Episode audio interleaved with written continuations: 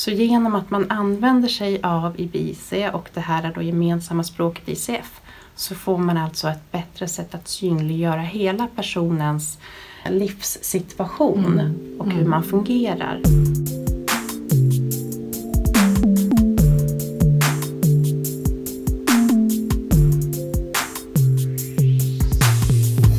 Hej och välkommen till det femtonde avsnittet av FoU-podden. Det här avsnittet kommer att handla om IDIC, individens behov i centrum. Jag som leder podden heter Lena Stenbrink och är kommunikatör på FoU Sörmland.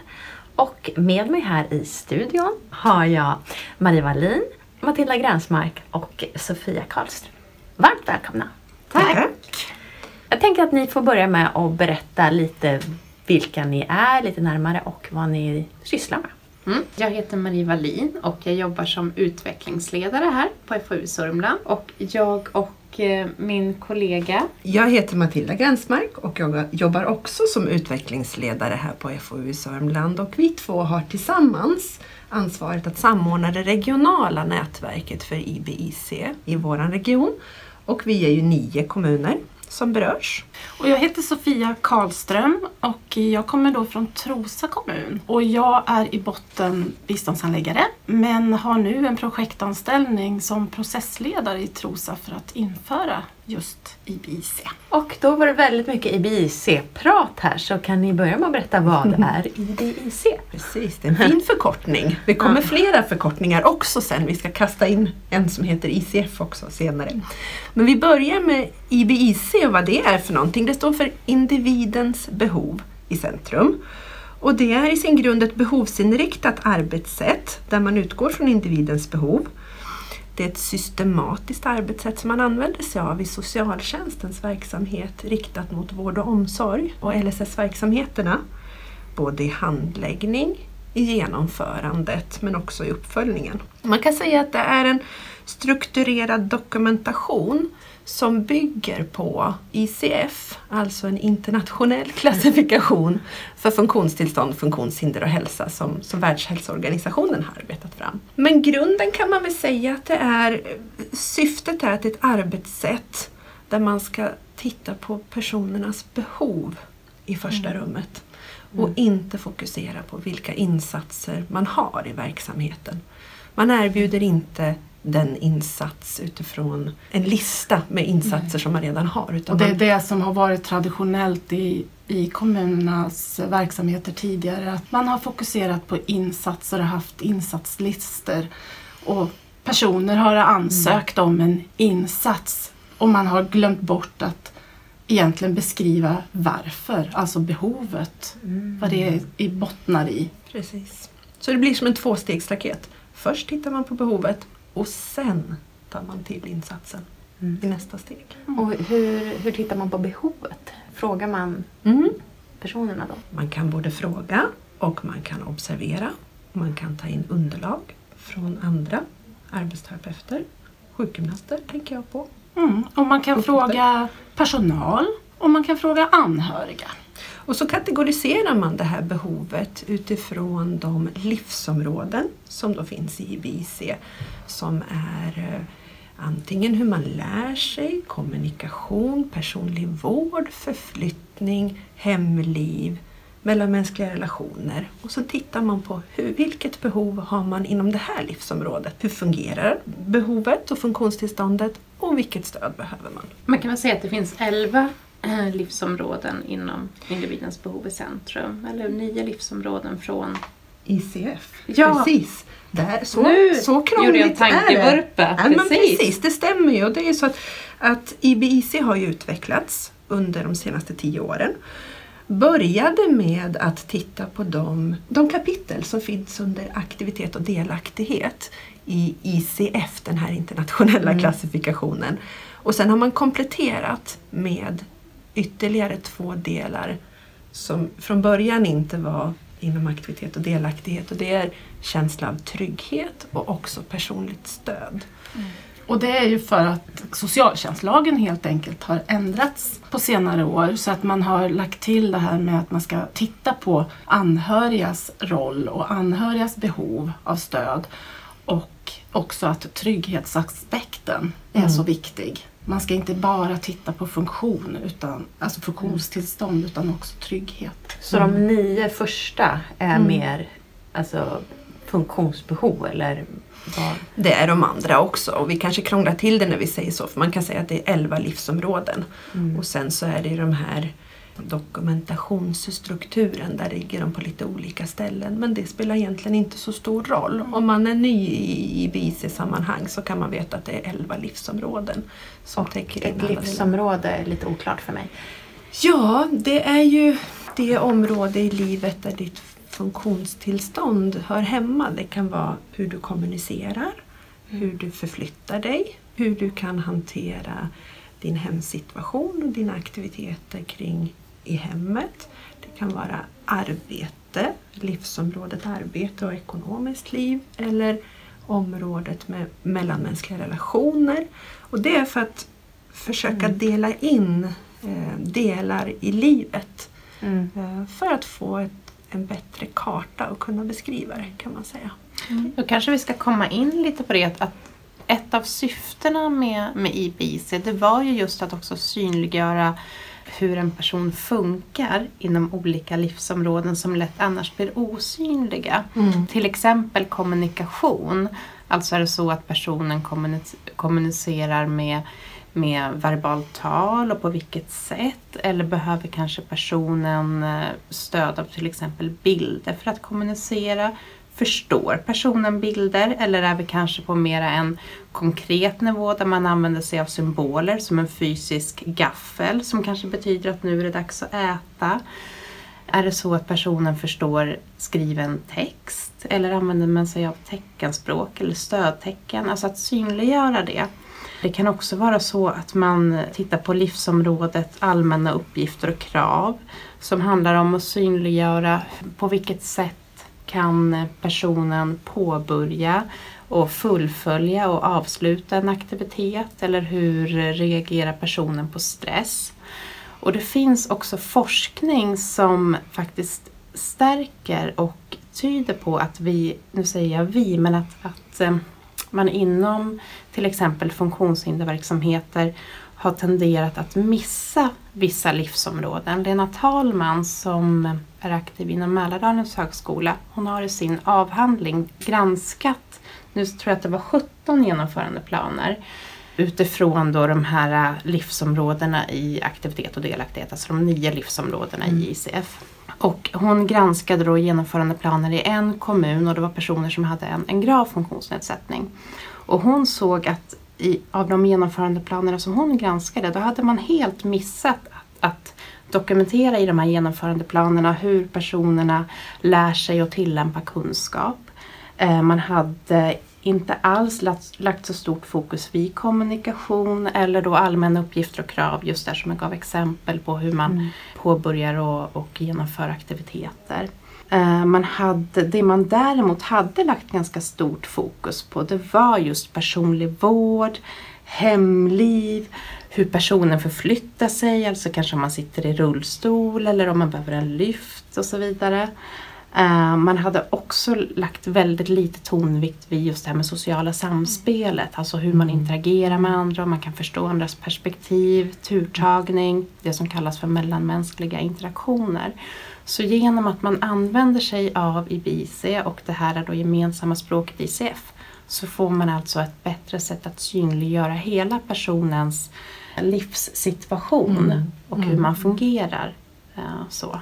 Och det är också en av grundincitamenten till att också skapa IBIC, eller det som är BIC från början, att sprida ut det och se alla livsområden mer tydligt. För precis som Lena visade i sin forskning så vet man ju också inom alla områden att det är lättare att prata om personlig vård, om hur det går med de här personlig vård, förflyttning och de bitarna. Men kommunikation och relationer, det är svårare att sätta ord på och svårare att bedöma. Ja, det har legat Också. mer på de här väldigt konkreta, Ja. synliga Yes, områdena. precis. Ja. Mm. Det andra är lite mer kanske personlig utveckling. Ja, Eller hur precis. man funkar liksom. Mm. Det, det, det, det blir mera dolt Vi har nog inte riktigt haft språket för det heller tror jag. Mm. Att, att just när man säger och allmänna uppgifter och krav, det kan man också tycka det är ett jätteknepigt begrepp. Vad olyckligt att det heter så. Men det är ju för att det är en internationell klassifikation som man har översatt till svenska. Men om man ska göra det lite enklare så kan man, som du sa, handlar det om hur man hanterar krav och stress och att man kan organisera sina aktiviteter. Så man inte påbörjar aktiviteter som man sen inte slutför. Mm. Och det är egentligen en ganska vanligt symptom på funktionsnedsättning att man gör så. Men vi har inte riktigt begreppen för det och har inte talat i de Nej. orden tidigare. Och sen så är det ju en sak till som ingår i BICIA, det är ju också att eh, bedöma graden av begränsning i hur man utför en, en aktivitet. Eh, om det är en lätt begränsning, om det är en måttlig eller en svår. Och sen så också att från handläggarens sida så går det över då till verkställigheten också en bedömning av hur det här ska kunna tillgodoses också. Alltså om man ska kunna ge en stödjande insats eller om det ska vara en emotionell insats eller faktiskt att man behöver hjälpa en person helt och fullt. Mm. Kompenserande. Mm. Det är också att det sker då strukturerat och alla från biståndshandläggaren till ut i verksamheten vet att det följer ett visst mönster och en struktur. Och här blir det också så att personen kanske vi säger rent fysiskt har en förmåga att eh, påbörja genomföra avslutande uppgift, exempelvis städa sin lägenhet. Men på grund av att man har kanske en kognitiv nedsättning så har man inte kapaciteten att påbörja, genomföra och avsluta. Och, och genom ja, individens behov i centrum så kan man då titta mer specifikt på vad är det personen behöver stöd i och på vilket sätt. Så för individen så betyder det här att, att man helt enkelt får stöd på alla sina områden.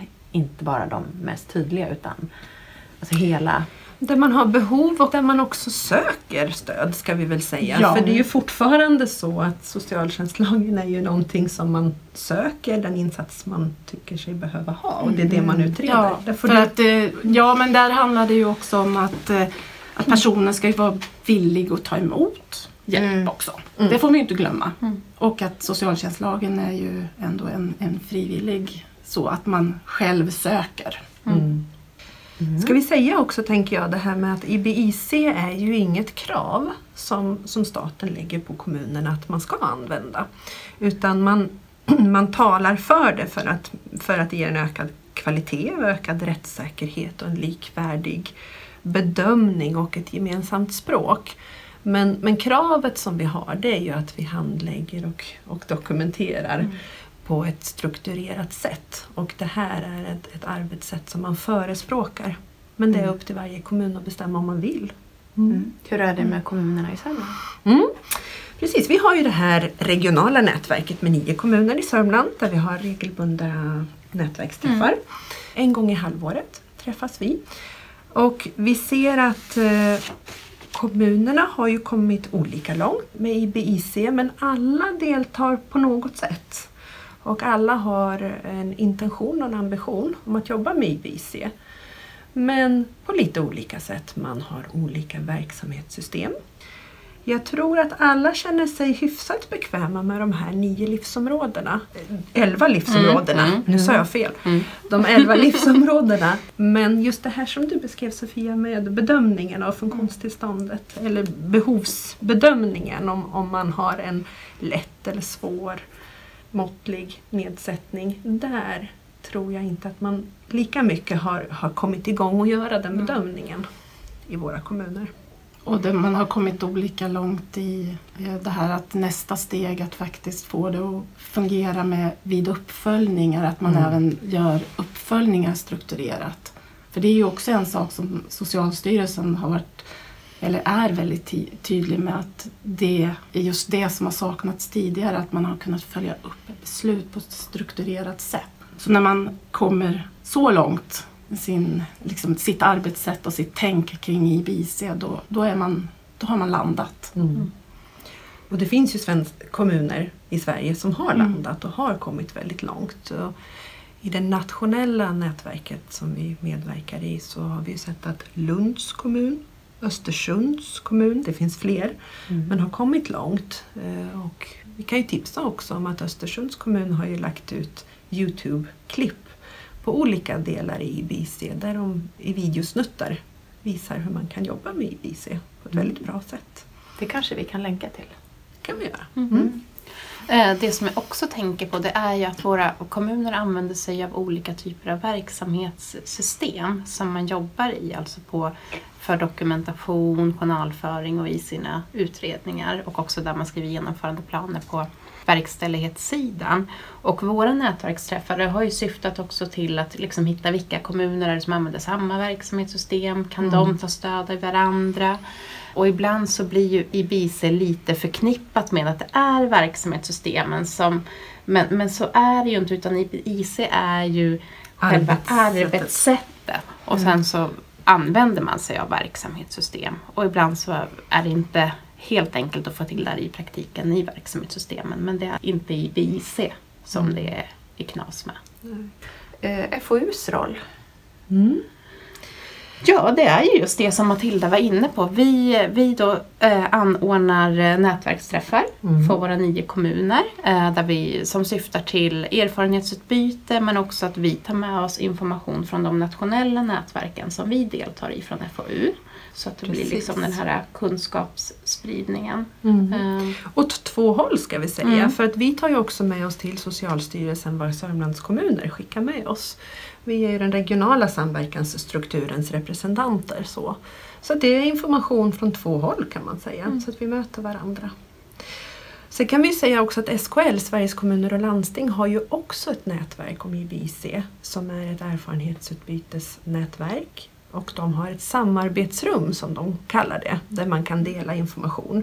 Där har inte vi varit lika aktiva här från FoU men vi vet att det finns och det är ett bra tips. Det kanske du har varit med i, Jag Sofia? har, eh, och då, då tar man kontakt med SKL. Det finns kontaktpersoner på deras hemsida och så blir man inbjuden i det här samarbetsrummet och där kan man hitta information. Det, det liksom, eh, bygger på att eh, medlemmarna lägger upp eh, saker som de jobbar med, de, man ställer frågor, eh, kollegor går in och svarar och det handlar allt om från verksamhetssystem till genomförandeplaner, hur man tänker kring utbildningar och så. Så där kan man hitta jättemycket bra Det, det är ett tips. forum Det är som ett man forum. hjälper varandra, tipsar varandra. Ja, där.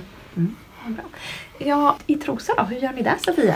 Ja, eh, vi har ju nästan precis kommit igång. Alltså, hos oss så tog man beslut i höstas i ledningen att eh, vi ska starta upp arbetet med att införa IBIC som arbetssätt. Och då beslutade man att det skulle anställas en processledare och då blev det jag som fick den frågan.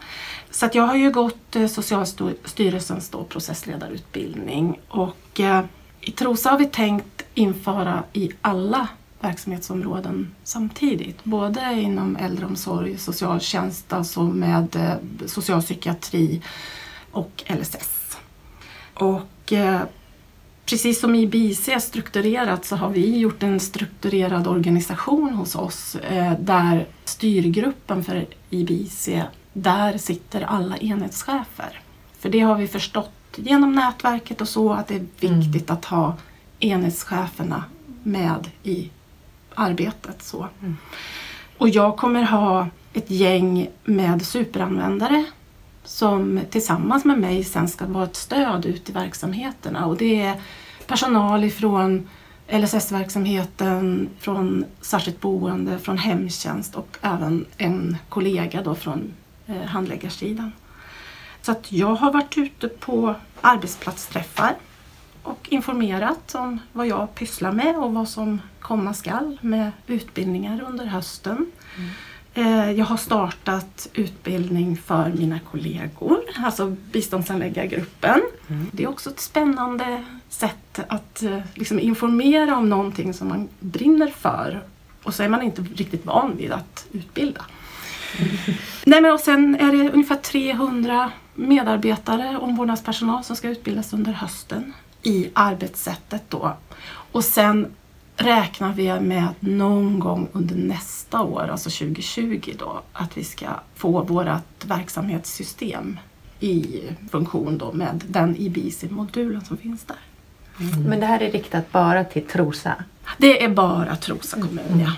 Det. Och bara inom vård och omsorg då, så att eh, socialtjänstens individ och familjeomsorg är inte med i det här. Sofia, tycker du att du har haft något stöd av våra lokala nätverksträffar inför nu implementeringen i Trosa? Finns det något du har fått hjälp av där? Absolut. Och jag eh, tänker just att vi, vi har ju varit med på nätverksträffar innan vi började införa IBIC. Eller ens, det var bara ett, ett litet frö att någon gång ska vi ändå införa det här. Och de diskussionerna som har varit och just det här erfarenhetsutbytet att träffa andra, få reda på vad har man gjort för misstag, eh, råd att eh, kanske tänka mer på att eh, införa tankesättet först. Vänta med att eh, införa verksamhetssystemen för att det har varit barnsjukdomar och så. För vi är ganska många kommuner i, i vår region som har samma verksamhetssystem och då har man hört lite om det. Då. Så att det har varit väldigt vä- värdefullt. Och så har man fått tips om att dit kan man åka på ett studiebesök. Och, och din tid som processledare också, det är inte riktigt tidsatt. Och det har du också fått Nej, tips det av är va? också att eh, det finns ingen liksom, riktig gräns för att jag, jag har inte en projektanställning på ett år utan det kan bli ett och ett halvt eller det kan bli två. Och det är ju sådana erfarenheter som vi har fått ifrån andra kommuner i Sörmland som, som har haft tidsbegränsade projektanställningar och att det har inte varit så bra. Jag tycker det är väldigt klokt att man tänker så också för att det är svårt. Och jag tror att man behöver tänka på IBIC som ett arbetssätt som man i början behöver starta igång och extra kraft. Men det behövs också kontinuerligt när man väl är igång. Utbildning av ny personal, man måste upprätthålla det. Det går inte att införa och sen är det klart. Utan det är ett ständigt pågående arbete, ett förhållningssätt och ett arbetssätt. Är Och jag tänker lite grann, för vi, vi hade ju en nätverksträff i höstas i november och då var ju Erik Westman som är en av Socialstyrelsens eh, utbildare i Ja. IBIC och som jobbar med det här. Och då handlade det ju om implementering. Och det han var tydlig med det var ju att räkna inte med att det här är något quick fix. Nej. Utan en implementering av att få in ett nytt arbetssätt tar ungefär fyra år. Mm. Så vi har, kan man säga, nu 2019 påbörjat en fyraårig resa. Ja, precis. Och det är så spännande att höra de kommuner som har hållit på fyra år och längre och deras fokus där de är på uppföljning. Det tycker jag är jättekul att höra. Där man ser så mycket vinster. Har man börjat strukturera sin dokumentation, har man en tydlighet av behoven, kan man formulera tydliga mål så blir det lättare sen när man kommer igång. Men att just starta igång processen, det tar extra resurser och extra kraft. Så i starten. Vad skulle ni säga händer kring IBIC nationellt just nu? Mm. På senaste nätverksträffen som var här i slutet på mars, då var vi ju uppe alla tre som sitter här och eh, lyssnade till Socialstyrelsens pågående arbete som man gör just nu med att jobba med IBIC för barn. Och det kommer sig av att man från början så hette det ju ÄBIC, Äldres behov i centrum, sen blev det IBIC och nu så, så vidgar man det även till att titta på, finns det särskilda delar som man behöver komplettera kring i behovsbedömningen när det handlar om barn? Är det delar som vi inte har utvecklat lika mycket? Eh, Och vi har i dagarna fått till oss eh, förslag på nya koder utifrån ICF som Socialstyrelsen undrar, är det här någonting som ni vill att vi ska djupa och lägga till eh, i redan befintliga IBIC-strukturen för att få ett djupare kunnande. Och då är det framför allt inom lärande och tillämpa kunskap och allmänna uppgifter och krav som man har gått ner. Så det kommer vi skicka ut till Sörmlands kommuner så får de kika på det och komma med eh, synpunkter. Och den här kartläggningen vi gjorde så fick vi information om att det är inte så många som jobbar idag med IBIC just kring barn, men några kommuner vet vi gör det. Ja, och där, vi har ju nämnt Lund tidigare och Mm. det är ju en kommun som är man liksom intresserad så studera Lund kan vi ju ge som tips. För att de, de har ju kommit så pass långt så att de har ju också börjat följa upp och ser verkligen i BICI-processen i sin fulla utblomning om man säger så. Mm, precis, hela vägen. Hela Ja, vägen. Snurran varvet runt. Vi ska också nämna, tänker jag, att på den här nätverksträffen så var det också en diskussion om BBIC. Nu kastar vi in en förkortning till här. Och det är barnets behov i centrum. Och det är en annan del på Socialstyrelsen som jobbar med det. Och då handlar det om handläggning av ärenden där barnets behov av skydd och stöd utifrån mer kanske individ och familjeomsorgsverksamheternas delar Eh, handläggs. Men det är ju barn i båda delarna och då hade vi en diskussion när använder man IBIC och när använder man BBIC och hur kommer de här olika arbetssätten att möta varandra. Och det är någonting man kikar på just nu och där finns det inga färdiga svar så vi ska inte säga för mycket. Men kort kan man väl säga att IBIC handlar ju om barnets behov, barnets funktionstillstånd och barnets funktionsnedsättning. När man tittar på BBIC då är det också kontexten med föräldraförmåga och behov av skydd. Och andra parametrar som man kikar på.